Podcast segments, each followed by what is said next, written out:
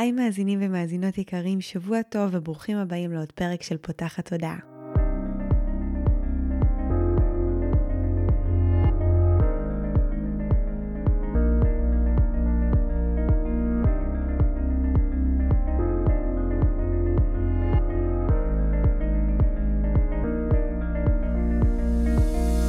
הפעם הראשונה שלכם כאן, פותחת הודעה היא תוכנית שנועדה להעביר רעיונות, לאתגר תפיסות קיימות, ולפתוח את צורת החשיבה האוטומטית שנהוגה אצל כולנו, לכל מיני כיוונים חדשים במטרה להכניס לחיים שלנו יותר כלילות, שלווה, זרימה, אהבה, קרבה וחופש, גם במערכות היחסים שלנו מול עצמנו וגם במערכות יחסים נוספות. אני ניצן אלפסי, אני המנחה של הפודקאסט הזה ואני מאמנת תודעתית ומלווה תהליכי העצמה אישית בעזרת כלים מעולמות התת-המודע, האנרגיה והרוח. ובפודקאסט הזה אני גם מראיינת וגם מדברת בעצמי על כל מיני נושאים שמעניינים אותי, מסקרנים אותי ואני חושבת שהם בעלי ערך וצריכים להגיע גם לאוזניים שלכם. הפרק שלנו היום הוא פרק סולו. מרגיש לי שמלא זמן לא היה פרק סולו, כי הפרק הקודם כזה היה מדיטציה, ואת זה שלפניו הקלטתי יחסית לפני הרבה זמן. והנושא שבחרתי לנו היום, אני מקליטה את הפרק הזה ממש רגע לפני שהשנה מתחלפת לשנת 2023, אה, והנושא שככה עלה, יש לי כזה ממש קובץ עם מלא נושאים שהצעתם, וזה שהכי קרץ לי באמת היה... אמ, נושא שמדבר על רגע איך לבחון את החיים שלנו, את מידת שביעות הרצון שלנו מהם, איך לדייק אותם, איך להתבונן בהם. וזה נושא שכזה ממש תפס אותי ואני מרגישה שגם עבורי הוא ייצר אה, איזושהי קפיצה מאוד משמעותית ברמת החיים, ברמת השביעות רצון שלי מהחיים, ברמת התחושה שאני כאילו ממש אה, מתפתחת וצומחת. אני יכולה להגיד שההתבוננות הזו היא לא משהו שמגיע לנו באופן uh, טבעי, זאת אומרת, אנחנו חיים על uh, פחות או יותר אוטומט, החיים שלנו מתקדמים, למי יש זמן עכשיו לעצור ולשאול עד כמה אני שבע רצון מהחיים שלי, עד כמה המערכות יחסים שלי מטיבות איתי, עד כמה נעים לי בככה וככה. אנחנו לא כל כך עושים את זה. מתי אנחנו כן עוצרים להתבונן כשמשהו לא עובד, כשמשהו תקוע. למה אני לא מוצאת זוגיות? למה לא טוב לי בעבודה? מה הצעד הבא שאני צריך לעשות בעסק? זה השלבים שלרוב אנחנו מתעוררים ושם אנחנו באים ועושים את העבודה. ואם אתם עוקבים אחריי כבר uh, תקופה, אתם יודעים שהגישה שלי לכל הדבר הזה שנקרא התפתחות אישית, היא להגיע אליו מתוך בחירה ולא מתוך הכרח. לא מתוך המקום הזה שהחיים שלי תקועים, שאני מרגישה שהחיים אפילו חובטים בי ודברים ככה לא מסתדרים כמו שאני רוצה או כמו שאני רוצה, ורק אז אני מתחיל לשנות ולראות מה צריך uh, לעבור איזשהו שינוי בחיים שלי, אלא באמת לעצור במקום הזה. שלב אחד לפני כן, ו- ולהיות במקום שכל הזמן נמצא רגע בהתבוננות ובדיוק של החיים שלו, ואז גם המקומות האלה שבהם אנחנו מגיעים לתקיעות, ובהם אנחנו מגיעים למקום כזה של יואו, כאילו, אני לא יודע מה לעשות, הם הולכים וקטנים. כי אם אני כל הזמן אה, נמצאת עם יד על הדופק, ועוד פעם, זה לא בקטע מלחיץ, זה בקטע של פשוט להיות נוכח בחיים שלי. אנחנו לא נוכחים מספיק בחיים שלנו, אנחנו עסוקים בלתפעל אותם ולא בלחיות אותם, ואני חושבת שלהכניס לחיים שלנו נקודות של התבוננות והרגלים של התבוננות, יאפשרו לנו להבין הרבה יותר את עצמנו, את התנועות בנפש שלנו, את השינויים וההתפתחות שלנו, וגם להפוך אותם למשהו שהרבה יותר נעים לעשות. אז בעצם את הפרק הזה בניתי בצורה שקצת מחולקת לשניים. אה, כי התבוננות, אני רואה אותה כקורית בנקודות אה, ציון שאנחנו בחרנו, אה, שלרוב אם תסכימו איתי זה קורה כזה באמת סביב תחילה של שנה אזרחית חדשה, או חגים משמעותיים, ראש השנה, או פסח, הרבה פעמים גם בימי הולדת, זה זמן שגם אני מקדישה להתבוננות ורגע כתיבה ו- ולהוציא על הדף כזה מה שלומי, מה קורה, מה אני רוצה שיקרה, זה כזה כל מיני מועדים שהם די קבועים. פעמים, והייתי ממליצה שלכל אחד ואחת מאיתנו יהיה לפחות פעמיים בשנה שהם עוצרים רגע לראות מה, מה קורה, מה שלומם, איפה החיים שלהם עומדים ולאן הם רוצים שהם יתקדמו. והחלק השני זה רגע התבוננות במה שקורה בצורה שוטפת אה, בחיים שלנו, כי אני הולכת לדבר איתכם בפרק הזה על כמה האירועים החיצוניים, במיוחד אלה שמפעילים אותנו רגשית, הם הזמנה מאוד מאוד גדולה בעיניי לריפוי. זאת אומרת, כל דבר שמגיע למרחב שלי הוא חלק מההתעוררות שלי, הוא חלק מההתפתחות שלי, הוא בא לשקף לי איזשהו משהו שקורה בתוכי, איזושהי תנועה, איזושהי התפתחות, איזשהו פצע מדמם, זה יכול להיות לכל מיני כיוונים, וככל שאני אהיה יותר ערה למקרים שמפעילים אותי, כי משהו טוב, כאילו, אנחנו גם רוצים להיות ערים אליו, אבל זה כזה יותר טפיחה על השכם, אני מדברת פה קצת יותר על התבוננות מהמקום הזה של שנייה לעשות עם זה עבודה, אז אם אני אשים לב, מה הדברים האלה שמפעילים אותי, אני אוכל לעשות איתם עבודת התפתחות וצמיחה מאוד מאוד משמעותית, אה, וזה בסוף המטרה של שמה אנחנו כאן בגלגול הזה, ונראה לי שגם קצת כאן בפודקאסט הזה, אה, כי כל מי שמאזין ומאזינה לו, מגיע מתוך הרצון הזה להפוך את החיים שלו ליותר אה, מטיבים ונעימים. אני אגיד שאת השאלות האלה אני ממליצה לענות עליהן ולשאול אותן בכתיבה. אה, נכון, זה לא כלי שעובד לכולם, ויכול להיות שאני ממליצה על זה כי זה מה שמאוד אה, עובד עבורי, אבל אני כן יכולה להגיד לכם שדרך הכתיבה, קודם כל אנחנו יכולים להתבונן מהצד על מה שכתבנו, בניגוד למחשבות שהרבה יותר אה, קשה לא להזדהות איתן, או לחיות בתוכן, או לחיות אותן ברמה הרגשית, ויש משהו בכתיבה שאני רגע כותבת, ואז אני יכולה לקרוא, ואז גם לבוא ולהגיד, וואי, מעניין, לא שמתי לב שזה קיים בתוכי, או איזה קטע שיש את המחשבה הזו. זה גם מתועד, אז אני יכולה בפרספקטיבה של זמן פתאום לחזור, אה, לעשות אפילו איזושהי מחברת כזו של התבוננות עצמית, ולהחליט שאני איקס, כל איקס זמן פותחת אותה, ואז אני יכולה גם לראות את התמורות ואת השינויים והשיפורים וה... ההתפתחות והלמידה והצמיחה שעשיתי בתוך השנים האחרונות, התקופה האחרונה, איקס זמן שבו אני באמת אה, מתעדת ופותחת את זה. וגם אני אגיד שדיברנו על זה אה, גם סביב אה, מסרים וכל מיני פרקים נוספים שדיברו באמת על חיבור לעצמנו, על הנשמה, שיש משהו בכתיבה אינטואיטיבית, כתיבה כזו שפשוט מוציאה על הדף את המחשבות שלי, שהמון פעמים יעלו שם דברים שהם כאילו לא אנחנו, נכון? זה כאילו זה כזה מין משהו אחר, זה כוח עליון, זה משהו כזה בלתי ברור, העלה אותם, ודרך דרך זה שאני כותבת ומוציאה את הדברים על דף, אני יכולה לכתוב הרבה תשובות שהפתיעו אותי, הרבה דברים שיעלו ברמה הרבה יותר אינטואיטיבית, והם לא המחשבות הרגילות שאני רגילה לחשוב על זה. אז גם אם אתם מקשיבים לי בתוך כדי נהיגה או כל מיני דברים כאלה, הכל טוב, תקשיבו שנייה בזום אאוט להכל, זה פרק שבכללי אני ממש ממליצה אה, להקשיב לו יותר מפעם אחת. וגם להקשיב לו כל פעם שאתם עושים את ההתבוננות הזו, אבל רגע שנייה להבין בגדול איך אנחנו עושים את זה, ואז ממש להקדיש איזשהו זמן עם דף ועט, אה, לעצור, להקשיב, לחזור על זה, אני חושבת שזה משהו שיכול למקסם ו... לשפר אפילו בצורה ממש ניכרת את התהליך הפנימי הזה. אז אני אגיד שכשאנחנו מתחילים בזום אאוט הזה, מההסתכלות הזו רגע על החיים שלי, אני אוהבת לחלק את זה לשישה שערים אה, מרכזיים. יש הרבה דרכים להסתכל על החיים שלנו, יש המון נושאים ותתי נושאים, אבל אני החלטתי לחלק את זה באמת לשש קטגוריות מרכזיות שדרכם אני בוחרת אה, להתבונן על, על החיים שלי ועל כמה אני שבעת רצון מהם. כשהדבר הראשון זה באמת מערכות היחסים שלנו, ומערכות יחסים זה כולל הרבה דברים. זה גם המשפחה שלי, זה גם החברים שלי, זה גם הזוגיות שלי, ודרך אגב, יכול להיות שבכל אחד מהם התשובות יהיו ממש ממש שונות. זאת אומרת, אולי בתוך הזוגיות שלי אני ממש מרוצה מאיך שהדברים מתנהלים, מהתקשורת ומהכל, אבל פתאום עם המשפחה שלי, כאילו, וואו, זה סופר קשה, יש שם מלא מטענים, ואני מבינה, או מבין שיש לי המון המון המון עבודה לעשות שם, אה, והמון התפתחות והמון תקיעות. אה, וזה יכול להיות המקום הזה שבמצב החברתי, אה, אני מרגישה קצת כזה, לא יודעת, תקיעות, ושאני לא כל כך מוצאת עצמי ולא מרגישה שייכת, אבל דווקא בתוך המשפחה שלי הדברים מרגישים מאוד כאילו טוב והרמוני.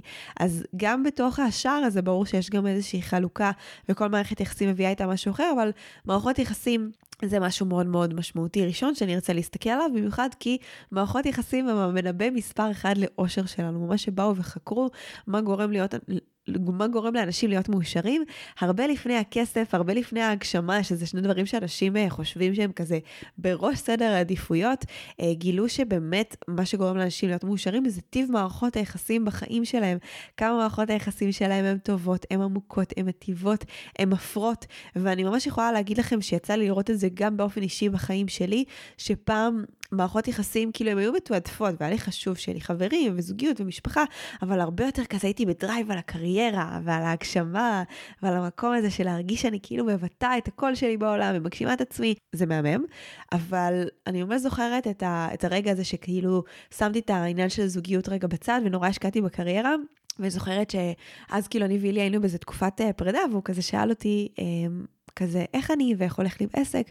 ואז כזה, זה ממש יצא ממני בסוג של כנות כזו, ואמרתי לו, מתפתח מדהים, אבל כאילו, אבל, אבל חסר לי המקום הזה שבסוף היום לחלוק עם מישהו את ההצלחות האלה, אה, לחגוג עם מישהו את, את, הניצחונות, את המקומות שבהם אני גדלה, שאני אה, משפיעה, שבהם אני מצליחה להתמודד עם כל מיני אתגרים. אה, אז בסוף אני יכולה להגיד שגם בחוויה שלי, הרגעים והתקופות שבהם אני הכי מאושרת, זה התקופות שבהם אני לצד ההגשמה ולצד כל הדברים הטובים, אני גם מרגישה שאני ממש מממשת את עצמי מתוך מערכות יחסים שהן מפרות, שאני נפגשת עם, עם בחברויות, אנחנו גם נדבר על זה, יש כל מיני סוגים מערכות יחסים, ו- וטיב של מערכות יחסים, והרבה לא שווה יותר טוב.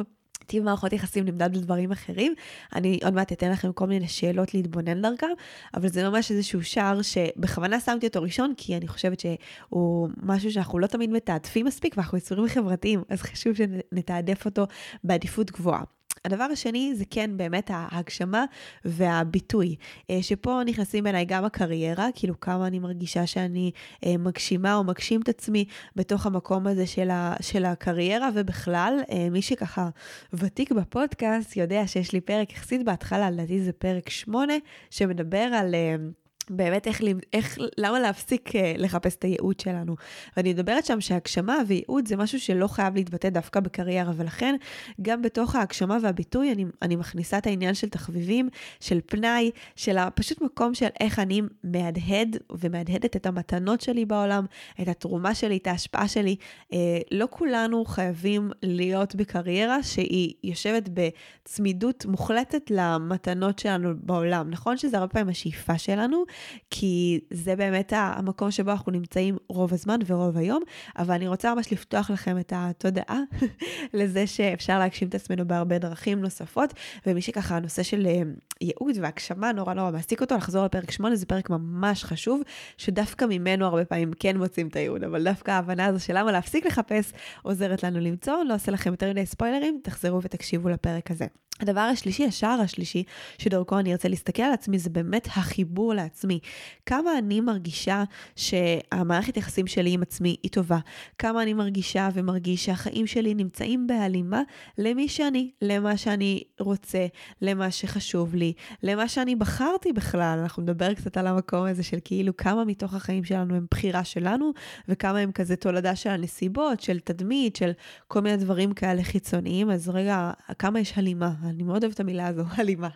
אז כמה יש הלימה אה, ביני לבין החיים שלי, ביני לבין הרצונות שלי, ביני לבין ה, ה, כל מה שמרכיב את החיים שלי, וגם כמה אני משקיע בה, בהתפתחות הזו, כמה אני מפנה מקום אה, וזמן ואנרגיה ומשאבים וכל מה שנדרש, לפעמים גם לא נדרש כזה הרבה כמו שאנחנו חושבים, כן, אנשים הרבה פעמים אומרים, אה, לא תמיד יש לי את הכסף ללכת לטיפול, ולא תמיד יש לי את הכסף ללכת אה, לעשות אה, קורסים באלפי שקלים, עזבו את זה שאני חושבת שזה הדבר הכי חשוב בעולם, ואם היו אומרים לכם, חס וחלילה בטל בטל ומבוטל, שזה איזשהו משהו בריאותי, לאנשים יותר קל להוציא על בריאות, בריאות הגוף מאשר בריאות הנפש, נשים את זה כרגע בצד, אנשים מוצאים כסף להכל, אבל אני אדבר איתכם על גם איך אפשר לעשות את ההתפתחות הזו, רק מתוך ההתבוננות, ורק מתוך העבודה הזו, והנה גם הפודקאסט הזה נכון, אמנם הוא לא מחליף אה, עזרה מקצועית, והוא לא יהיה... אה, אולי משנה חיים כמו שיוכלו, תוכלו לשנות את החיים שלכם, תגיעו לתהליכים אה, שהם עם ליווי ו- ו- ובנויים בצורה כזו, אבל גם הפודקאסט, אני, אני מקבלת מכם כל מיני זמן הודעות כמה הוא משפיע, כמה הוא מלווה אתכם,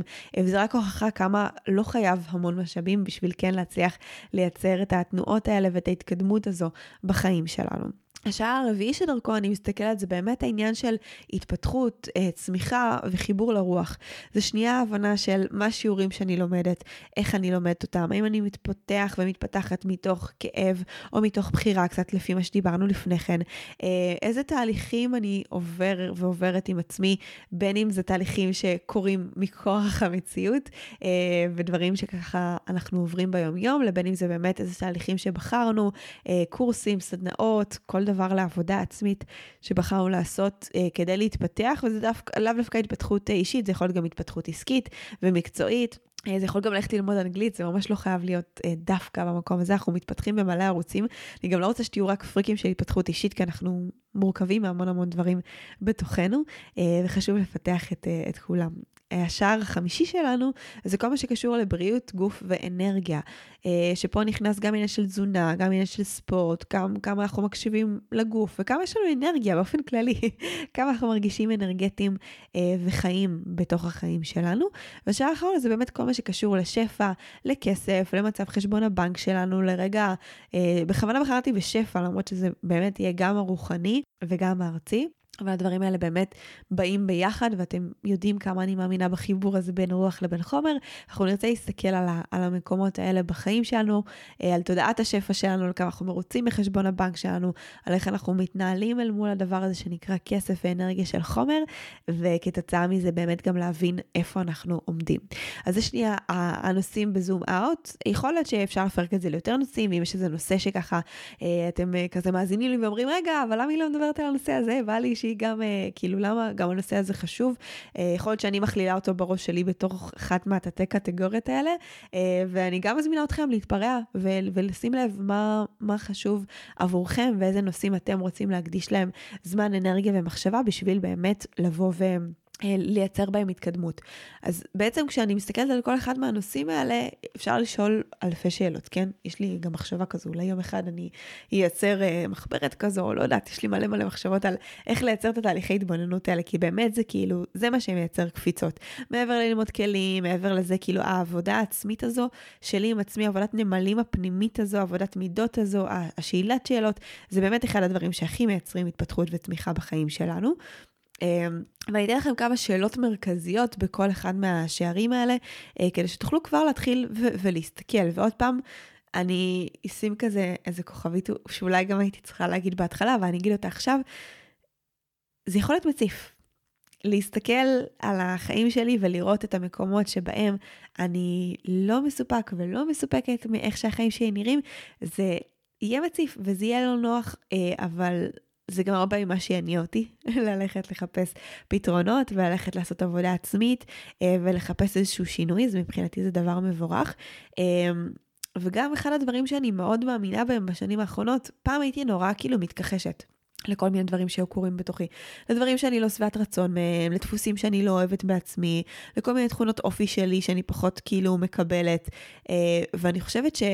אחד הריפויים הכי גדולים שעברתי בשנים האחרונות, וגם דיברתי על זה בפרק עם אה, מרינה על עבודת צללים, שממש התחלתי להסכים לא רק כאילו להודות שאני כזו, אלא גם להודות בפני אנשים אחרים שאני כזו, ושיש לי את החלקים האלה, וכאילו סוג של לנרמל את זה, ומתוך זה שאני קיבלתי יותר אה, והסכמתי לפגוש את המקומות האלה שלא נוח לי איתם, לא מתוך מקום שיפוטי, אלא באמת מתוך איזה שהם עיניים אוהבות ורקות ומקבלות הרבה יותר, אה, חוויתי עם זה ריפוי הרבה יותר גדול, לא בהכרח הייתי צריכה לעשות משהו מאוד כאילו מטורף, חוץ מלהיות ערה שהדבר הזה קיים, ו- ולבחור באופן מודע אה, דרכי פעולה אחרות ונקודות מבט חדשות ודפוסי התנהגות חדשים, לפעמים גם כלים כמובן, אבל זה, זה, להתבוננות הזו יש הרבה, הרבה יותר כוח.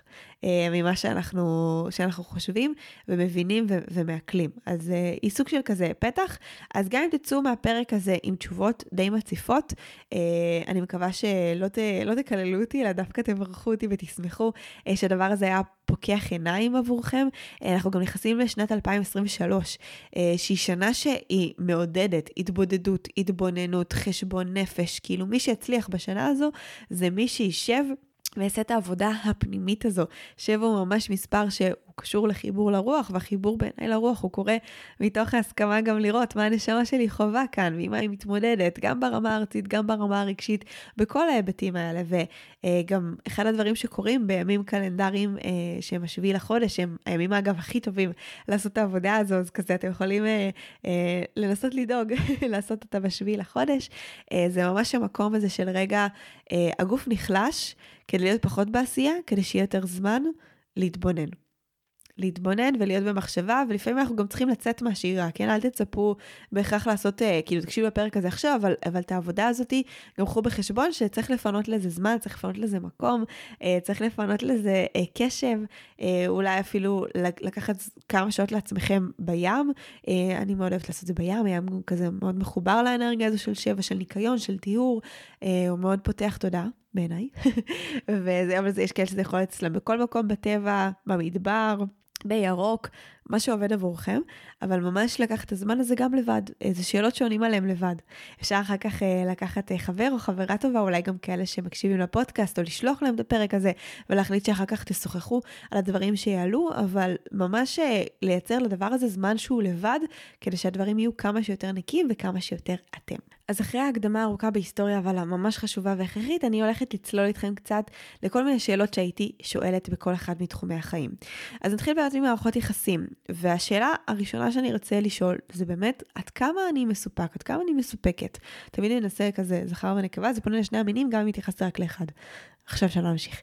עד כמה אני מסופקת, עד כמה אני מסופקת ממערכות היחסים בחיים שלי, עד כמה אני מרגישה שהן ממלאות אותי, עד כמה אני מרגישה שהן מפרות אותי, עד כמה אני מרגישה שאני מסכימה לעצמי להיראות בתוכם, כמה אנשים שנוכחים בחיים שלי, לא משנה אם זה משפחה, אם זה חברים, אם זה הזוגיות שלי, עד כמה אנשים בחיי, כל אחד מהם, אפשר ממש לפרק את זה, לכתוב אולי אפילו את העשרה אנשים הכי קרובים אליי ולשאול, לדרג נגיד מ-1 עד 10, כמה אני מרגישה או מרגיש שאני, שכל אחד מהם מכיר אותי, שכל אחד מהם רואה אותי. אפשר ממש ל, ל, אפילו ליצור סוג של קריטריונים לטיב מערכות היחסים, מה זה טיב מערכות היחסים בעיניכם? אה, יכול להיות שעבורי זה יהיה המקום הזה של להרגיש שרואים אותי, להרגיש שאני אה, מאפשרת לעצמי להיות פגיעה, אה, זה יכול להיות מדדים של תקשורת, כמה אני מרגישה שהתקשורת טובה בתוך מערכת היחסים הזו. כל אחד, כל אחד ואחת אני מזמינה אתכם לשאול, אה, אולי זה אפילו שאלה כזה להכניס שנייה לפני זה של מה זה מערכת יחסים טובה בעיניי, מה זה מערכת יחסים מטיבה. אני אוהבת שאנשים שואלים אותי את זה ואז אני תמיד מחזירה להם את השאלה, מה זה עבורך? אה, כי מה שאני מתעדפת בערכים שלי בתוך מערכות יחסים זה לא בהכרח מה שאתם מתעדפים. אז אני יכולה לתת קווים כלליים של אה, נראות, של תקשורת, של הערכה, של הקשבה אה, וכל הדברים האלה, אבל כל אחד מכם צריך לשאול מה אה, הקריטריונים ש... אה, מגדירים את טיב מערכת היחסים הזו עבורי, ואפשר ממש על כל אחת מהעשר מערכות יחסים הקרובות ביותר שלכם לשאול איזה ציון הייתם נותנים לכל אחד מהמדדים האלה מ-1 עד 10. זה גם יעזור לכם ממש להבין אה, על איזה מערכות יחסים אתם רוצים לתת יותר אה, דגש, מענה, הקשבה, התפתחות, אה, ובאמת אה, להשקיע בהם, ואולי גם איזה מערכות יחסים כבר לא כל כך מדויקות לכם. אולי יש לכם איזה חברה או חבר שאתם סוחבים מגיל 4, שכזה מכוח ההרגל אתם אחד עם השני, אבל וואלה, כבר לא כל כך מעורבים אחד, בח... אחד בחיים של השני, כבר אין לכם ערכים שהם כל כך דומים, אתם לא מרגישים שהמערכת יחסים הזו מפרה, מקדמת אתכם, מצמיחה אתכם, אתם לא מרגישים אותנטיים בתוך הדבר הזה, ואולי גם תגיעו למסקנה, וגם את זה צריך לקחת בחשבון, שיש מערכות יחסים שאולי גם תחליטו ש... שיסתיים זמנם, וזה, וזה נקודה לא פשוטה ולא נוחה, אה, ו... ואולי זה נושא גם לפרק שלם, כי זה כאילו, רגע, איך, איך מתנתקים, מה עכשיו שיחת יחסינו לאן? לא בהכרח, אבל אה, כן, אל, תפח... אל תתעסקו כרגע באיך לעשות את זה, קודם כל תתעסקו במה אני רוצה לעשות ואיזה מערכות יחסים אה, אני רוצה ורוצה להעצים בשנה הזו, ואיזה מערכות יחסים אולי כבר סיימו את תפקידם. זה דבר שממש ממש חשוב אה, לשים לב. עם מי קל לי יותר ועם מי פחות, ברמת התקשורת, ברמת השיח, ברמת הערכים. עוד פעם, אנחנו לא צריכים שכל מערכות היחסים שלנו יהיו אנשים שחושבים כמונו, נראים כמונו, מרגישים כמונו. המגוון והאושר האישי הזה, זה גם מה מצמיח אותנו בחיים שלנו, אבל זה כן רגע להבין איפה יש בן אדם שאולי הוא שונה ממני, אבל אני עדיין אה, מרגישה שהוא מפרה אותי ונעים לי איתו, והמערכת יחסים איתו היא מצמיחה ומטיבה, למול איפה אה, זה מערכת יחסים שיותר לוקחת ממני אנרגיה מאשר מעניקה לי אנרגיה. אה, וזו נקודה מעניינת להסתכל עליה, אחר כך גם אפשר לבוא ולחקור את השיעורים שהמערכת יחסים הזו מלמדת אותי. אה, זה יותר אני עושה כזה בשער של התפתחות וצמיחה, שזה... אה, נושא בפני עצמו, כן? גם לא כל מערכת יחסים עכשיו שמפעילה אותי בכך אני אעשה בקאט, אה, יש גם על זה, אומנם אני מדברת שם בהקשר זוגי, אבל זה רלוונטי לכל מערכות היחסים. בפרק מספר 4, שמדבר על שיעורים בזוגיות ואיך לצמוח מהם, אני מדברת הרבה על התפר הזה בין כאילו מתי אני צריכה להישאר, אה, כי יש לי איזשהו שיעור, ומתי השיעור יסתיים וצריך לשחרר את הבן אדם, אז זה פרק אה, שעוזר להבין את, ה, את המינונים של, ה, של הדברים האלה. מעניין גם לבוא לראות מול איזה מערכת יחסים יש לי איזשהו מטען רגשי לא פתור.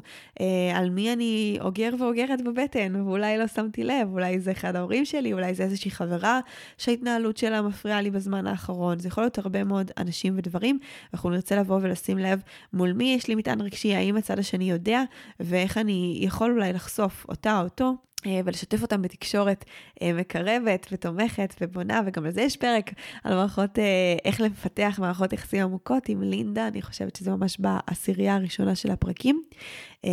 וזה, וגם שם אנחנו מדברים על איך נגיד להציף את המקום הזה של תקשורת ודברים שפוגעים בנו בצורה שהיא יותר נעימה. זה פרק, פרק הפניות יוצא, אבל זה באמת, פיצה לי לחשוב גם על, על מה אני הולכת לדבר בפרק הזה, והייתי כאילו פתאום כזה, וואו, דיברנו על מלא נושאים, אני ממש צריכה לחשוב כבר על איזה נושאים כדי לא לחזור, אז מי שכזה יחסית חדש, תחזרו אחורה, יש שם זהב, אה, אל, אל תחכו רק לפרקים החדשים, תחזרו גם אחורנית. השער השני שלנו באמת הוא שער של ההגשמה והביטוי, ופה אני ארצה להתבונן איך אני מבטא את עצמי, אה, בין אם זה ברמת הממש אומר את דעתי, בין אם זה ביטוי שהוא אה, אפילו אומנותי, אולי שירה, אולי ריקוד, אולי כתיבה, אולי פיסול, אולי ציור, רגע, אה, איך, באיזה דרכים הנשמה שלי יוצאת החוצה?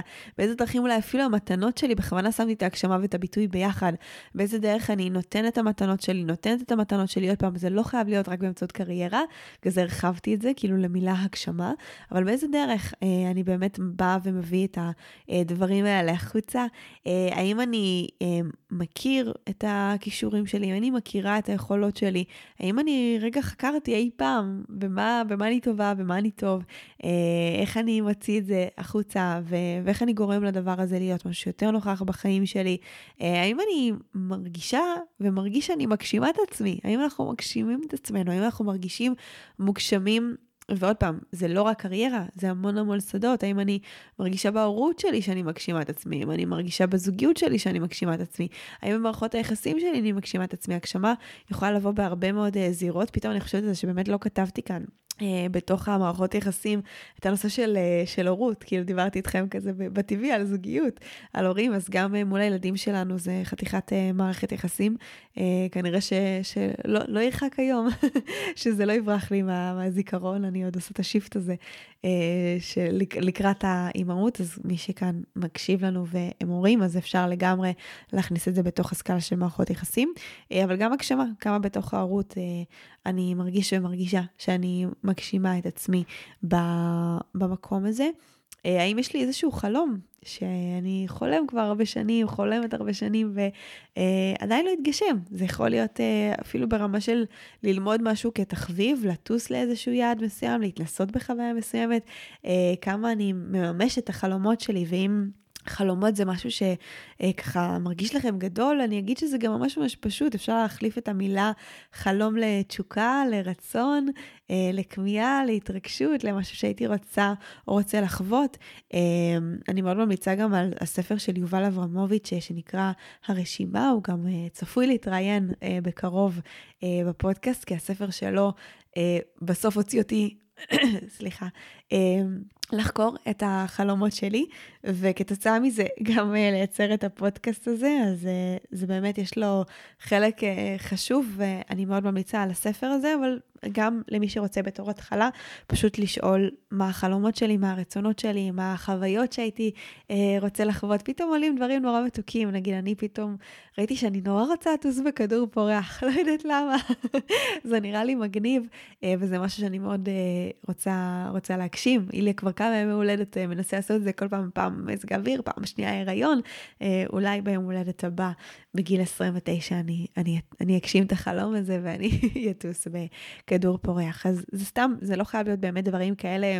בכוונה נתתי את החלום הזה, כי אנשים לפעמים מדברים, חושבים על חלומות, עוד פעם, מאוד מאוד גרנדיוזיים, זה יכול להיות גם חלום מאוד מאוד פשוט אה, ו- ו- ויומיומי, אפילו ברמה של להיות באיזשהו מקום בארץ שלא הייתי בו, או לעשות איזה משהו שאף פעם לא עשיתי. חלומות באמת יכולים להיות הכל. אני אפילו רוצה לתת יותר מיני דוגמאות כדי לא לצמצם לכם את התודעה למה זה יכול להיות. במקום הזה של ביטוי הייתי גם רוצה להתבונן אה, באיזה נושאים קל לנו יותר לבטא את עצמנו, באיזה נושאים יותר קשה לנו לבטא את עצמנו, אה, מול איזה אנשים יותר קל לנו להתבטא, ואיפה לא. הביטוי שלנו וההגשמה שלנו הם ממש באים בקשר ישיר אחד עם השני. אם הביטוי שלי חסום, ההגשמה שלי תהיה חסומה, היצירתיות שלי תהיה חסומה, ולכן אנחנו רוצים לוודא שהשער הזה פתוח, כי הוא חלק מאוד חשוב בהגשמה ובהנאה שלנו בחיים בכלל. השער הבא והשלישי שלנו זה החיבור לעצמנו. במקום הזה אנחנו נרצה באמת לבוא ולשאול עד כמה אנחנו מרגישים מחוברים לעצמנו, עד כמה אנחנו מרגישים שאנחנו מתנהלים מתוך הרצונות שלנו והבחירות שלנו והתשוקות שלנו, אל מול כמה אנחנו פועלים בחיים שלנו בגלל דברים שאנחנו צריכים לעשות, אמורים לעשות, חייבים לעשות, אה, מצופה מאיתנו לעשות, ממש אה, כמה התדמית החיצונית שלנו אולי מנהלת אותנו, וכמה אנחנו מנסים להיראות כלפי חוץ משהו מסוים, והוא מכתיב את ה... איך שהחיים שלנו נראים, למול כמה הרצונות שלנו האמיתיים והעמוקים וזה גם uh, לעשות דרך לפגוש אותם, כן? זה לא... זה המון פעמים אנחנו ממש משכנעים את עצמנו שהתדמית שה, שלנו היא זאתי שכאילו הרצ... מכתיב... כי אנחנו מנוהלים מתוך התדמית, אבל בעצם מה שאנחנו מנסים לספר לעצמנו שזה הרצון האמיתי שלנו, ככה אנחנו כל כך מפחדים להטיל ספק ברצונות האלה של התדמית, של מי אני כלפי חוץ, של מה אנשים חושבים עליי, של מה ההורים שלי מצפים ממני, כי אם פתאום אני אעשה דברים שהם בניגוד לתדמית, אז אולי לא יאהבו אותי, אז זה מעין כזה אפילו שכנוע עצמי לא מודע של כזה, כן, זה מה שאני רוצה, אני רוצה ללמוד את התואר הזה, אני רוצה לגור בבית הזה, אני רוצה את הזוגיות הזו, כי זה מה שמצופה ממני, אה, ואני יודע שככה אני אקבל אהבה מהסביבה שלי, ואנחנו לא תמיד לשאול, רגע, אמנם זה באמת מה שאני רוצה? זה באמת מה שאני רוצה? מה נמצא שם מתחת.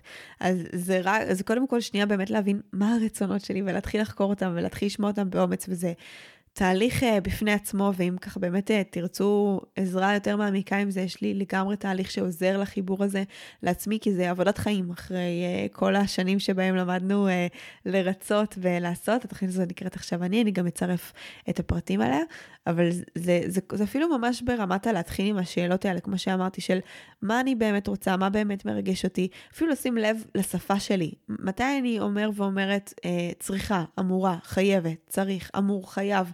אה, מתי אנחנו עושים דברים כי לא נעים, כי זה מה שאנשים אחרים מצפים, כי הם עשו עבורנו אז אנחנו רוצים גם לעשות עבורם, לא כי אנחנו רוצים, אלא כדי כזה לשמור על היחסים הטובים. שנייה לראות כמה אני באמת רוצה ורוצה בחיים שלי, למול כמה זה דברים שמחייבים אותי, זה מה שמאוד יעזור לנו להבין כמה אנחנו בהלימה עם עצמנו. אה, זה יכול להיות גם מקום של רגע לשאול איזה דפוסי התנהגות, אה, איזה דפוסים רגשיים, איזה דפוסים מחשבתיים בתוך עצמנו, אפילו לשאול, הייתי רוצה ורוצה לסגל, ואיזה הייתי רוצה לשחרר, איזה דברים בתוכי הייתי רוצה להעצים. שהם טובים והם מטיבים איתי, או איזה דברים חדשים הייתי רוצה להכניס לחיים שלי, ומה כבר אני מרגישה שסיים את תפקידו, שאולי כבר לא משרת אותי, שאולי מעכב אותי, שאולי פעם הוא היה מדהים ואהבתי בעצמי שאני כזאתי, אבל אולי היום כבר זה צריך לשנות מינון, או שזה צריך לשנות uh, קצב, או אולי אני גם לגמרי רוצה להשתחרר מזה בחיים שלי. אני יכולה להגיד לכם שפעם הנושא הזה של להיות מצליחנית למשל, ולהיות הכי טובה, uh, נורא אהבתי את זה בי, את המקום הזה שאני הישגית כזה, הישגית, שאפתנית, עד שהבנתי שהווליום של זה בחיים שלי גרם להיות בן אדם שנורא רודף אחרי תוצאות, ועובד נורא נורא קשה, ומתרוקן המון, והבנתי שהמינון של ה... השאפתנית והמצליחנית הזו בחיים שלי, הוא כבר לא מדויק לי, והורדתי לו ווליום. עכשיו, זה לא שאני חושבת שאני היום בן אדם כזה, אני גם יודעת שאני אף פעם לא אהיה בן אדם כזה, שהוא חסר שאיפות, והוא כזה לא עושה כלום עם החיים שלו, זה לא ה-DNA שלי, זה לא מה שאני מורכבת ממנו, אבל היו לי כל מיני דפוסים שהיו קשורים, אגב, לתדמית הזו. של המצליחנית והשאפתנית, שכחלק מהעבודה העצמית שלי אמרתי, אוקיי, כאילו הפרפקציוניזם הזה פחות, המקום הזה פחות, ברור שזה עדיין קיים בי, כאילו אני רואה המון דברים שבהם אני כזה, אה, לא נקודה, אבל אני יכולה להגיד שביחס למי שהייתי שחררתי משמעותית, ושגם זה בסדר שיש לנו דרך מסוימת, חשוב לי גם להגיד את זה אולי כאיזושהי נקודה, הדברים האלה ישקפו לכם שיש לכם דרך מסוימת לעשות, ואולי גם דברים שהתחלתם לעשות עליהם עבודה, אה, יש איתם התפתחות קדימה, וזה ממש ממש בסדר. אז דפוסים והתנהגויות שאני רוצה להעצים, שאני רוצה לשחרר, שאני רוצה אולי לדייק להם את המינון, שאולי להכניס לחיים שלי. אני יכולה להגיד לכם שסתם, משהו נגיד ש... פעם, לפני המון שנים, היה לי מאוד קשה לעשות, זה לפרגן. הייתי מאוד מאוד uh, קנאית, בגלל המקום הזה של החוסר ביטחון בתוכי, וממש פיתחתי כל מיני uh, מנגנונים שעוזרים לי uh, לפרגן יותר, לשים את זה יותר במודעות שלי, להיות יותר, זה גם קשור קצת לתודעת שפע, אבל uh, זה ממש רגע, ברגע שאני גם מסכימה להודות ביני לבין עצמי, גם אמרתי לכם את זה קודם, על המקומות שיותר חלשים בי, ולהפסיק להתכחש אליהם, וגם לא להיות עליהם בכעס, כי אולי להגיד, יואו, איזה תפוקה אני, למה אני לא מצליחה לפרגן כמו כולם, למה אני לא מצליחה להכיר תודה, למה אני לא מצליחה להיות בשפע, כאילו הכל טוב, וזה מי שאני, זה המסע שלי, זה השיעורים שלי. לאנשים אחרים יש את השיעורים שלהם, את המסע וההתפתחות שלהם, אבל איך אני בתוך המקום שלי באה ועושה את העבודה הזו כדי להכניס את זה יותר לחיים שלי, וברגע שאני יודעת שיש מה שאני רוצה לחזק ולהעצים או להכניס ולהטמיע, אני יכולה להיות על זה הרבה יותר במודעות, וגם להצליח אה, לייצר צמיחה והתפתחות בתוך הדבר הזה, שזה כבר הביא אותנו לשלב הבא. אבל עוד רגע, עוד שאלה ככה שאני ממליצה לשאול בתוך השער הזה של חיבור לעצמי, זה שנייה גם להתבונן, מה בכלל מחבר אותי לעצמי? איזה, באיזה רגעים אני מרגישה מחוברת לעצמי. זה יכול להיות רגעים שבהם אני מרגישה שאני מקשיבה לאינטואיציה, רגעים שבהם אני עושה את מה שאני אוהבת, זה יכול להיות רגעים שבהם אני אה, מבטאת את עצמי בצורה אותנטית, ורגע ממש לבוא ולהתבונן, סוג של אפילו למדל ולזקק מהם הדברים שמחברים אותנו לעצמנו, ואז גם לשאול איך אני יכולה לשלב את זה יותר ביומיום שלי. אוקיי, אני מבינה שהים נגיד מאוד מחבר אותי לעצמי, איך אני דואגת שפעם בשבוע אני נמצאת בים? אני מבינה שיצירה... אצלי זה תכשיטים וקרמיקה, זה דברים שעוזרים לי להתחבר לעצמי, מהמם, איך אני משלבת אותם בתוך היומיום שלי. אה, ממש רגע לבוא ולשאול מה עוזר לי להתחבר לעצמי, וזה יכול להיות, יכול להיות שיא הפשוט, זה יכול להיות גם לשבת ולכתוב כל בוקר מה שלומי ומה אני מרגישה. זה יכול להיות לשבת חמש דקות ו- ורק להיות בשקט uh, עם עצמי. זה יכול להיות לבוא ולשיר בכל הקולות בבית. זה יכול להיות הכל. אבל אם אני לא שואלת את השאלות ואני לא מכניסה את הדברים האלה לחיים שלי, איך אני אדע שאני שיש לי פה איזשהו כלי, וזה אפילו, זה כאילו רגע ללמוד את עצמי. נכון, יש, אני מאוד מאמינה שאנשים אחרים אה, ואנשי מקצוע יכולים ללמד אותנו כלים, אבל בסוף, אה, אני גם אומרת את זה תמיד, אנחנו המרפאים הכי טובים של עצמנו, אנחנו האנשים שיודעים הכי טוב מה ייטיב איתנו, מה יעזור לנו, מה יקדם אותנו, אה, וזה גם המקום שלנו לבוא ולחקור מה עושה לנו טוב. כי ברגע שאני באה וחוקרת מה עושה לי טוב ומה מטיב איתי ומה מחבר אותי לעצמי, ואני ממש יוצרת לעצמי סט של כלים והרגלים שתואם את הדבר הזה, אז אני כבר נמצאת בהתפתחות ואני כבר נמצאת בחיבור לעצמי, רק מעצם מה שעבד לי עד היום והניתוח והתבוננות על זה. בשער הבא אנחנו רוצים להסתכל על ההתפתחות והצמיחה והחיבור לרוח. Uh, בהיבט הזה אני רוצה להתבונן על השיעורים שלמדתי בשנה האחרונה, בתקופה האחרונה, בחודשים האחרונים, תלוי כל כמה זמן באמת אנחנו עושים ועושות את ההתבוננות הזו. Uh, זה ממש מעניין לראות איזה, איזה שיעורים למדתי, עם איזה אתגרים התמודדתי, איפה אני מרגישה שצמחתי. זה גם מקום, אגב, אה, קצת לטפוח לעצמנו על, על השכם. כאילו, חשוב לי שהמסע ההתבוננות הזה לא יהפוך להיות מסע של הלקאה עצמית וחיפוש אחרי... מה לא טוב ומה עדיין דפוק ומה צריך לתקן ומה צריך לשפר ומה לא בסדר. אה, אין ספק שזה בא ועושה לנו מיקוד לייזר על המקומות שלא נוחים לנו בחיים, גם כי אחד, זה חלק מה, מהמטרה, כאילו להבין מה לא עובד כדי לשפר. אה, גם כי המוח החמוד שלנו, בגלל שהוא כזה הישרדותי ומתוק והוא רוצה אה, לבוא ולשפר את הדברים, אז באופן טבעי הוא יבוא ויחפש מה לא עובד, מה תקוע, מה, מה בעצם צריך באמת לפתור, איזה בעיות צריך לפתור. שתדעו שהנטייה של המוח ללכת תמיד ולראות את השלילי והלא טוב זה לא כי אתם דפוקים, זה פשוט כי ככה המוח החמוד שלנו אה, מתוכנת. אה, אבל פה אנחנו גם באמת רוצים לשים לב בכל השאלות האלה, אבל אני אגיד את זה גם במיוחד במקום הזה של התפתחות, צמיחה, חיבור לרוח, זה באמת המקומות האלה של גם איפה צמחתי ואיפה הצלחתי להתמודד יותר טוב עם השיעורים, ואיפה דברים שניהלו אותי כבר לא מנהלים אותי היום, ואיפה אני מצליח ומצליחה אה, להתעלות מעל עצמי ולהתעלות מכל מיני דברים שבעבר עיכבו אותי. זה כאילו ממש רגע גם המקום להכיר ולראות את, ה, את הדרך שלי, ואנחנו לא מספיק עושים את זה. אה, ולפעמים יש אירועים חיצוניים עוד פעם שמפגישים אותנו עם זה, אה, אבל, אבל זה ממש ממש חשוב. לי יצא בדיוק ממש השבוע, אתמול, להתראיין לאיזשהו פודקאסט שדיברתי על החמש שנים הראשונות uh, בעסק שלי. וכשהייתי צריכה לבוא ולספר ולגלול בעצם, לסכם חמש שנים בש, בשעה, uh, יצא לי ממש לפני הפודקאסט להריץ רגע אחורה, ופתאום נזכרתי בכל מיני דברים שכמה היה לי קשה בתחילת עסק, וכמה דברים כאילו הייתי בהתנגדות אליהם, ואיך היום אני כבר מתמודדת עם זה אחרת, ופתאום זה היה כזה, מה זה כזה? וואי, אני מה זה גאה בעצמי, לא רק על התוצאות, לא רק על זה שהעסק גדל, לא רק על זה שאני משפיעה על יותר אנשים, לא רק על זה שיש יותר כסף בחשבון הבנק, אלא על הבן אדם שהפכתי להיות, על, ה, על ההתפתחות שעשיתי, אה, וזה דברים שלא קורים לנו מספיק אם אנחנו לא עוצרים. רגע להודות על, על מי שאנחנו ומי שהפכנו להיות, וזה באמת הרגעים הכי מרגשים, כאילו זה הרגעים שבהם אני, כאילו בשבילם אני חיה, בשביל הרגע הזה שאני אומרת, וואו, כמה הצלחתי לגדול בתוך הגבולות של עצמי, כמה הכלי שלי התרחב, כמה הצלחתי כאילו אה, באמת לצמוח, כי בשביל זה הנשמה שלנו הגיעה לכאן, מזכירה כל הזמן. זה ממש המקום הזה של ההתפתחות והצמיחה.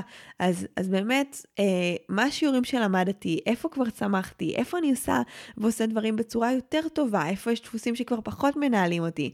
איזה שיעורים אני ממש לומד ולומדת עכשיו, אה, מה השלב הבא בהתפתחות שלי, מה, מה אני מרגישה ומרגיש שהמציאות מבקשת ממני עכשיו, זה גם איזושהי הבנה כזאת של, למשל, סתם שהיה לי איזושהי, איזושהי תקופה בעסק, אה, שהרגשתי קצת כזה באמת אה, תקועה, וידעתי שהשלב הבא שלי הוא לשחרר שליטה ולהכניס אה, עובדות תחתיי לעסק, והשלב הבא זה לגדול, השלב הבא זה לא לפחד להעיז לעשות דברים בגדול. כשאני גם מבינה מה השלב הבא בהתפתחות שלי ומה מבקשים ממני, גם הרבה יותר קל לי גם ברמת הכוונה, לשים כוונה נכונה, להתקדם אל מול הדבר הזה, כוונ, כוונת לב שהיא מדויקת. וגם ללמוד ולעשות את ההתאמות. ברגע שהבנתי שאני צריך להכניס עובדות, אז גם היה מן הסתם את הפרקטיקה של אוקיי, אני צריכה לגייס, צריכה להבין איך מגייסים. אה, גם תודעתית, הלכתי לסמינרים של עסקים שמדברים על מעבר מעסק קטן לעסק גדול, אני נמצאת עם אנשים שמכניסים אה, יותר ממני, בכפולות אפילו, רק כדי שהתודעה שלי ת, ת, ת, תהיה בסביבה הזאת, שלא מפחד לדבר על כסף ולא מפחד לחשוב בגדול, ונמצאת במקום הזה. זה רגע גם לעשות את, ה, את הפעולות, תמיד גם יהיו פעולות אחרי התבוננות, אה, וגם בסוף אני תמיד ארצה לדבר אה, על זה, לזקק את זה לאיזה שהן מסקנות ו... והבנה איך ממשיכים מכאן, אבל רגע גם לשאול מה השלב הבא בהתפתחות שלי, אה, מי או מה יכולים לעזור לי בו. אה, זה יכול להיות בן אדם מסוים, זה יכול להיות תהליך מסוים, זה יכול להיות איזושהי עבודה עצמית שלי עם עצמי, אבל רגע לשאול מה יכול לעזור לי להתקדם לשלב הבא הזה, ללמוד את השיעור הזה ביותר קלות, איזה איכויות מתבקשות להתפתח ממני, כי הרי דיברנו על זה שהשיעורים האלה באו בשביל לפתח בנו איזה שהן איכויות חדשות שלא היו בנו קודם, אז איזה איכויות אני צריך או צריכה לפתח ואיך. אה, וגם כמה אני מרגישה מחוברת לרוח, מחוברת לנשמה, מחובר אה, למקום הזה, להשגחה, לבורא, ליקום, לה, איך שתרצו לקרוא לזה, זה לא כזה משנה. אה, אני כן מפרידה את זה בין החיבור לעצמי לחיבור הזה לרוח, על אף שהם אחד, בסוף החיבור לעצמי קשור לחיבור שלי לנשמה, הנשמה נמצאת גם בתוך הגוף וגם למעלה, כפי שיצא לנו כבר לדבר בו בעבר, והחיבור הזה לנשמה יכול לעזור לנו לחיבור לעצמנו, והחיבור לעצמנו יכול לעזור לנו לחיבור לנשמה, והחיבור לנשמה זה גם החיבור לבורא וליקום, לא משנה איך תרצו לקרוא לזה, אה, אבל באמת המערכות יחסים האלה של איך שנקרא לזה, נשמה, בורא, יקום, עצמנו, זה דברים שיעזרו לנו מאוד בהתפתחות שלנו. אז כאילו בחיבור לעצמי דיברתי על זה יותר ברמה הארצית, הפרקטית של איך החיים שלי נראים ועל כמה הם בהלימה אל מול הרצונות שלי. פה אני מדברת יותר על משהו כזה גדול, על חיבור לכוח עליון, על אמונה, על, אה, על המקום הזה של הרגשה של אה, כמה אני מרגישה ומרגישה שהם מלווים אותי במסע הזה, שיש לי השגחה, שיש לי תמיכה. אה, זה חלק מהדברים והמשאבים שלדעתי מאוד מאוד עוזרים לנו להמשיך ולהתפתח במסע החיים שלנו כאן. וזה גם, כמו שאמרתי, שנת 2023, שנה של חיבור לרוח, זו שנה שבה הדבר הזה מאוד מאוד חשוב, וחיבור לרוח יכול לקרות עוד פעם מהכל, החל מתפילה, החל מהאזנה לפודקאסטים שמחברים אותי לנשמה שלי, החל, ממדיטציות, יש המון המון דרכים אה, להתחבר לנשמה, גם על זה אני מתכננת לכם אה, איזשהו מוצר מיוחד שיעזור לכולכם להתחבר השנה אה, לנשמה שלכם ברמה יותר גבוהה, ספוילר קטן. אה, ואתם תשמעו על זה, אני מקווה ממש ממש בקרוב, אני מחזיקה לעצמי אצבעות שלפני החופשת לידה אני אספיק אה, לייצר ולהוציא את זה אליכם, כדי שבאמת תוכלו אה, לעשות את התהליך הזה, מי שמרגיש שזה משהו שהוא היה רוצה לעבור. אז זה לגבי התפתחות, צמיחה וחיבור לרוח. מעבר לזה, השער הבא שלנו זה באמת הבריאות, הגוף והאנרגיה. תראו גם איך השערים קשורים אחד בשני, אה, כי כל צמיחה והתפתחות גם קשורה לבריאות שלי, והגוף והנפש והכל בסוף אה, זה אחד, זה, זה מחולק לתתי נושאים רק בשביל ההבנה הקוגניטיבית שלנו. אז באמת, פה אני ארצה לשאול כמה אני מחוברת לגוף שלי, כמה אני מאפשר ומאפשרת לעצמי לנוח, כמה אני מודע ומודעת לכאבים שלי, אה, לתחושות שלי, לכמה, כמה אני, כמה אני בריאה או חולה בחיים שלי, עם איזה מחלות, כאבים אני מתמודדת, אם יש איזה משהו שחוזר באופן קבוע, איזושהי מחלה, איזשהו צינון, איזשהו חולי, לשים גם לב מתי זה קורה, מה הגוף שלי מנסה אולי להגיד לי במקומות האלה, אה, כמה אני מסופק ומסופקת מהאופן שבו אני מזין ומזינה את הגוף שלי, האם זה בדברים טובים או בפחות טובים. אה, ממש ההאזנה הזו היא חלק מאוד מאוד חשוב. אה, מה רמת האנרגיה שיש לי בגוף? האם אני רוב הזמן כזה בעייפות ובתחושה כזה שאין לי כוח, או יותר כזה אנרגטית ו- ו- ומרגיש שאני פעיל בחיים שלי, אפשר אפילו ממש לדרג את זה מ-1 עד 10, מ-1 עד 100, כל אחד וה- והסקיילים שלו. רגע ממש לשאול, ואם אף פעם לא שאלתי מה רמת האנרגיה הממוצעת שלי, להחליט שבשבוע הקרוב, כל יום אני עוצר ושואל את עצמי, ועוצרת ושואלת את עצמי, מה רמת האנרגיה שלי היום, איזה, איזה דירוג הייתי נותנת לה, ולהסתכל לאורך זמן, לאורך שבוע, לאורך חודש, אה, כל סוג של מעקב יכול לתמוך בנו במקום הזה, אה, מה באמת רמת האנרגיה שלי, ומתוך זה לבוא ולדייק אה, גם את עצמנו בהיבטים האלה. אז זה משהו שיכול מאוד לעזור להבין איפה אני נמצא ונמצאת וגם לאן אני רוצה להגיע. מעבר לכך, אה, אנחנו רוצים ברמה של האנרגיה גם לשאול מה ממלא אותי ומה שואב ממני אנרגיה, בין אם זה אנרגיה פיזית, בין אם זה אנרגיה מנטלית, בין אם זה אנרגיה כללית כזו, אה, מה ממלא אותי ומה שואב ממני, ולראות איך אני מפחית ומפחיתה את מה ששואב, ואיך אנחנו מכניסים יותר ממה שממלא, אה, יותר לשים לב מה הגוף שלי מבקש, יותר לשאול אותו מה אתה צריך. מבטיחה לכם מעונה, בין אם זה יותר מתיחות, יותר תנועה, יותר מנוחה, יותר הזנה. אה, החיבור הזה לגוף הוא חלק מאוד מאוד חשוב, ואנחנו רוצים לשים לב, כי זה בסוף כלי הרכב שלנו בחיים האלה, בגלגול הזה, אם אנחנו לא נדאג לו, אם אנחנו לא נתחבר אליו, אם אנחנו לא נעשה איתו עבודה, אמ, אנחנו נחווה תסכול אה, ותקיעות באיזשהו אופן, אה, וגם על חיבור לגוף, יש לנו פרק עם קרין גולן, אה, שדיברנו שם על, ה, על, ה, על הגוף שלנו כ, כאיזשהו שער, אז מי שכזה מרגיש שהגוף קצת יותר זר לו, אני יכולה להגיד שזה החלק הכי חלש אצלי בהרגשה שלי, ועכשיו עם ההיריון אני לומדת עם זה הרבה דברים ובכללי, אז זה, זה פרק מאוד מומלץ, והעבודה הזו עם הגוף היא עבודה מרתקת. והגענו לשער האחרון שלנו, שזה באמת השער של השפע, כמה אני אה, מרגיש ומרגישה שאנחנו בתודעת שפע. האם אנחנו מצליחים להכיר תודה? כמה קל לנו לקבל ולתת, אה, כי בסוף אה, השפע יכול לזרום לחיים שלנו כשאנחנו לא רק אה, כל הזמן נותנים, אלא גם כשאנחנו מסכימים לקבל מחמאות, הזדמנויות, עזרה, על כל הסוגים שלה. אה, אחד הפרקים הראשונים שהקלטתי באמת עם דנה יעקב, דיברנו על המקום הזה של איך להיות צינור לשפע, איך להיפתח לשפע, ודיברנו הרבה על הנושא הזה של כאילו כמה אני גם מסכימה אה, לקבל, ולא רק לתת שפע, זה לא רק נתינה אינסופית, בטח לא שנתינה בלי גבולות, אלא גם ההסכמה לקבל, לקבל מהיקום, לקבל מהסביבה, לקבל מעצמי. זה גם המקום לשאול כמה אני מסופק או מסופקת מהמצב הכלכלי שלי, שהוא הרבה פעמים השתקפות אה, של תודעת השפע שלי, של כמה אני מרגישה בשפע, כמה אני מרגישה ראויה, גם של הערך העצמי שלי, הוא מאוד מאוד משקף. הערך העצמי שלנו והמצב הכלכלי שלנו קשורים בקשר מאוד מאוד מאוד צמוד, כמה אני אה, מרגישה ראויה אה, לקבל כסף, כמה אני ראויה לחיות בשפע, יש גם המון אמונות מגבילות שיכולות להיות לנו על כסף, אבל רגע באמת להסתכל על מצב חשבון הבנק שלי כמצב התודעה שלי, כמצב הערך העצמי שלי, כמצב תודעת השפע שלי, ומתוך הדבר הזה לבוא ולדייק מה אני רוצה לעשות אחרת, איך אני רוצה גם ברמה הארצית אולי להתנהל אחרת אל מול כסף, וגם מה אני רוצה לפתח מנגד בתודעת השפע שלי. זה עולם בפני עצמו, הנושא הזה של שפע, ואולי גם נעשה על זה עוד פרקים בהמשך, אבל זה רגע נקודות ראשונות להתבונן על איפה זה נמצא. נשימה עמוקה, אלה היו השערים שלנו, המון המון שאלות, אני, חושבת, אני מקווה שאתם לא מרגישים מוצפים, אה, כי כן כתבתי כזה בתוכנית גם לדבר על, על איך לעבוד עם דברים שכזה מעוררים אותנו ביום יום, אני מקווה שזה לא יהיה לכם מציף, מקסימום תעשו הפסקה ותחזרו לחלק השני הזה אחר כך. אז אמרנו שמעבר ל... ההתפתחות הכללית הזאת אה, של ההסתכלות אה, והתבוננות על מה קורה בחיים שלי באופן כללי, בכל מיני נקודות של זמן, החיים גם מפגישים אותנו עם הרבה מאוד הזדמנות להתבוננות.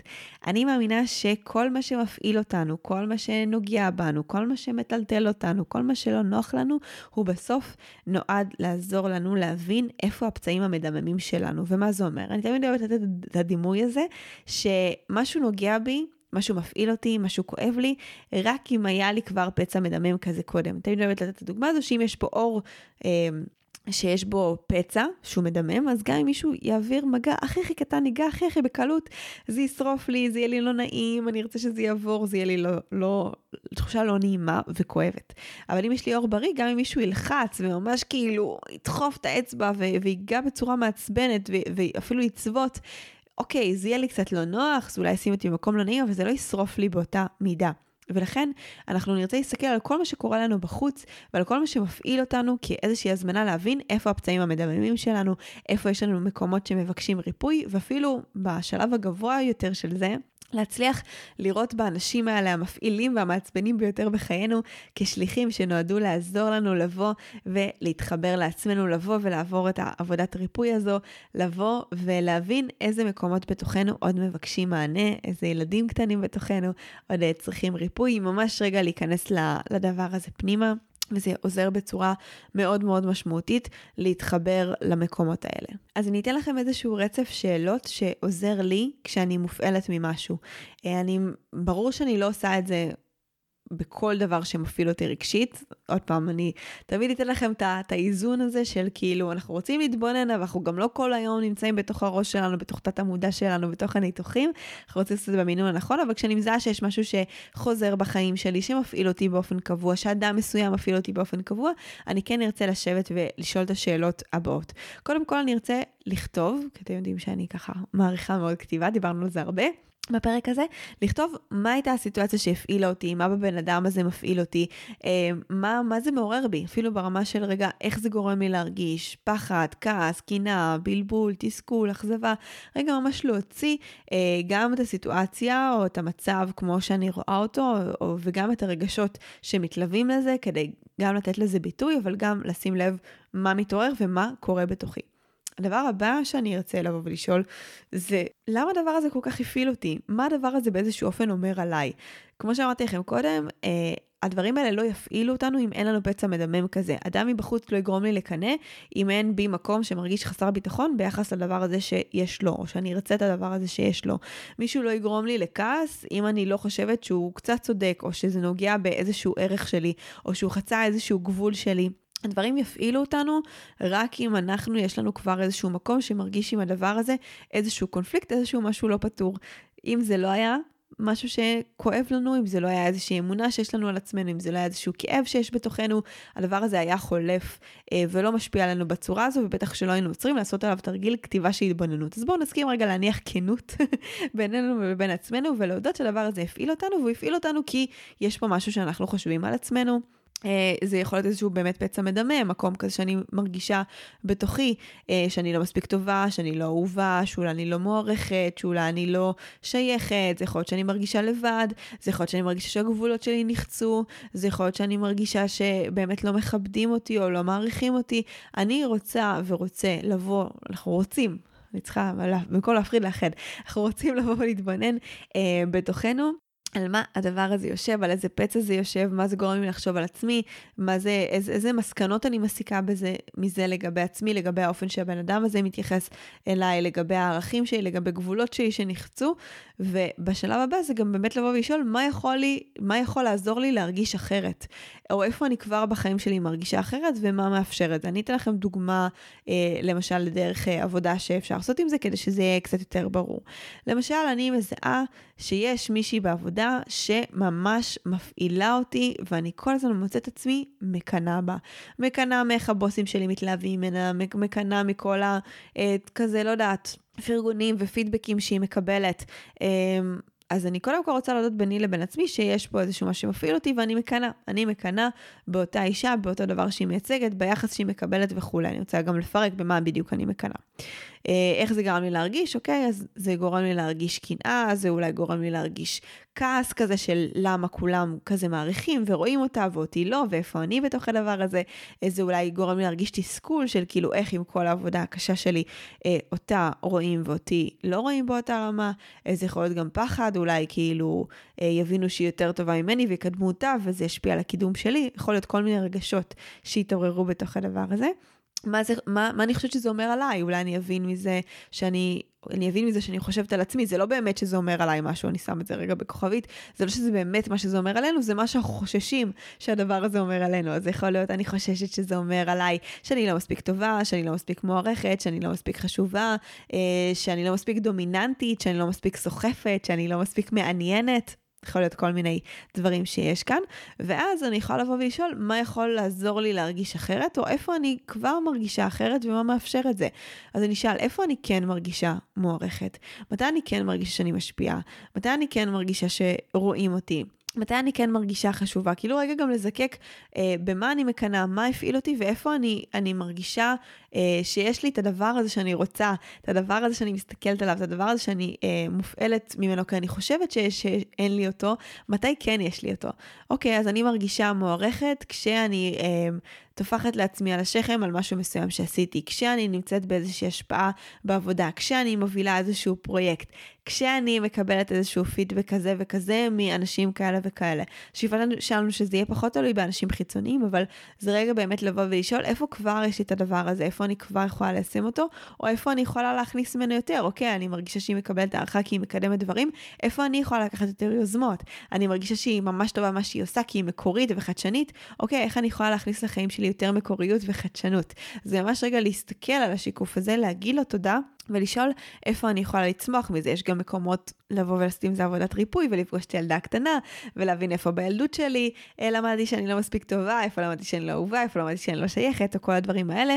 אה, זה פשוט אה, ארוך כרגע מכדי להכיל, אבל גם כתבתי לי אה, לעשות אולי פרק באמת על, על הילדות שלנו ועל הילדה הפנימית ועל העבודה איתה, ואני מקווה אה, להגיע לזה בהמשך. אבל בתור התחלה כבר ממש יכול לבוא ולעזור לנו המקום הזה של איך אני יכולה להרגיש אחרת, ואיפה אני כבר מרגישה אולי אחרת בחיים שלי, ואיך אני יכולה להעצים את זה. אז אני ממש כזה מסכמת את הפלואו הזה, אמרנו משהו מפעיל אותי, אני כותבת את הסיטואציה. אנחנו שואלים איך זה גרם לי להרגיש, איזה רגשות עלו שם, מה אני חושבת שזה אומר עליי, עוד פעם, זה לא אומר שזה באמת מה שזה אומר עליי, אבל מה אני מפחדת שאולי זה אומר עליי, איזה בעצם מדמם בעצם הופעל פה, על מה זה יושב בתוכי, אה, מה יכול לעזור לי להרגיש אחרת, ואיפה אני כבר מרגישה אחרת, מה מאפשר את זה? ואיפה אני יכולה להכניס יותר, גם לסיטואציה הזו. זה דרך מעולה שתעזור לכם גם פחות להרגיש כאילו כזה הכל קורה לכם והכל נורא נורא קשה, ולהחזיר את השליטה לידיים שלכם. ולהביא את זה לתוך מקום של אחריות. אז זה ככה באמת איזושהי סכמה שמאוד מאוד עוזרת ואני מקווה שתשתמשו בה. צריך לקחת נשימה עמוקה אחרי הפרק הזה. שוב, אני מקווה שלא הצפתי אתכם, ואם כן, שעצרתם והקשבתם לו בחלקים, אבל אני חושב שנתתי פה המון המון ערך אה, וכלים שיעזרו לכם לבוא ולהתבונן בעצמכם בצורה הרבה יותר טובה. דיברנו גם על התבוננות שאנחנו עושים בנקודות ספציפיות דרך ששת השערים שלנו, אה, וגם על התבוננות של סיטואציות שאנחנו חווים ביום-יום, ואיך אנחנו יכולים לבוא ולצמוח מהם. אני ממש אה, מעודדת אתכם לקנות אפילו איזושהי מחברת אה, ולהגדיר אותה כמחברת ההתבוננות שלכם, להקדיש זמן לכתיבה הזו בריטואלים שתבחרו, להסיק את התובנות וגם מתוך כל הדבר הזה לבוא ולשאול, אוקיי, מכל הדברים שראיתי, זה חשוב, וכל הדברים שעלו בהתבוננות, מה אני בוחרת לעשות אחרת? מה אני, איזה פעולות, איזה פתרונות אני כן רוצה גם להכניס לחיים שלי, איזה כוונות אני שמה לתוך הדבר הזה, באיזה אנשי מקצוע אני אעזר בשביל לפתור את הדברים האלה שראיתי שאני רוצה אחרת, איזה מודלים יכולים ללמד אותי איך לעשות את העבודה הזו בצורה טובה יותר. יש המון, כאילו, אל, אל תיקחו את זה רק למקום של וואי, כמה דברים לא עובדים, אלא לאיזה דברים אני יכול לעשות ויכולה לעשות ולהכניס לחיים שלי כדי להצליח להתקדם עוד קצת לעבר הדברים שאני רוצה, לעבר מערכות יחסים שיותר מטיבות אותי, לעבר מקום שבו אני יותר מבטא את עצמי, לעבר מקום שבו אני מרגיש יותר מחובר לעצמי, למקום שבו אני יותר אה, נמצא בהתפתחות ובצמיחה, אה, שאני מרגיש יותר אנרגטי, שאני מזינה את עצמי בצורה יותר טובה, שאני יותר מוקירה תודה, שאני יותר בתודעת שפע, שאני מתנהלת יותר טוב עם המצב הכלכלי שלי. כאילו כל הדבר הזה בסוף אנחנו רוצים לשאול, אוקיי, איך יצאים מכאן? מה השלב הבא? איפה יש דברים שאני יודעת כבר מה אני צריכה לעשות ומה אני צריך לעשות ויקדמו אותי, למול איפה אולי גם צריך איזושהי עזרה חיצונית ולא להסס להשתמש בה, אה, כדי שמישהו שכבר עשה את הדרך הזו וכבר הצליח להגיע לתוצאות האלה ויש לו את הכלים, יעזור לי להתקדם בדבר הזה, וזה דבר מדהים גם לבוא ולבקש את העזרה וגם לבוא ולראות איזה משאבים כבר קיימים ונמצאים ברשותי כדי אה, להתקדם אל מול האתגר הזה או הדבר הזה שהרגשתי שאני רוצה ורוצה לשפר בחיים שלי. אז אני מקווה שוב שנהניתם מהפרק. הפרק הזה ונתרמתם ממנו, ואם באמת הפקתם ממנו ערך, שתשתפו אותו ברשתות החברתיות עם אנשים שאתם אוהבים. אני מאחלת לכם שבאמת השנה הזו של 2023 תהיה שנה של התבוננות, של צמיחה, של דיוק, של הקשבה, של כוונה נכונה, אה, ובאמת מתוך כל הדברים האלה אה, להצליח ו- ולצעוד במסע התפתחות, במסע הנשמה שלנו כאן, כי בשביל זה הגענו, בשביל ללמוד ולצמוח, והכלים האלה, אם אנחנו ניקח אותם לא למקום של הלקאה עצמית וכעס, אלא למקום של צמיחה, ואיך יכול להיות רק טוב יותר, אנחנו נרגיש שאנחנו גדלים וצומחים. צומחים ומתפתחים בתוך מסע החיים הזה בצורה הרבה יותר נעימה, אה, שבשביל זה אנחנו כאן בפודקאסט הזה ובחיים בכלל. אז אה, תודה רבה לכם שהאזנתם ואנחנו נתראה בשבוע הבא.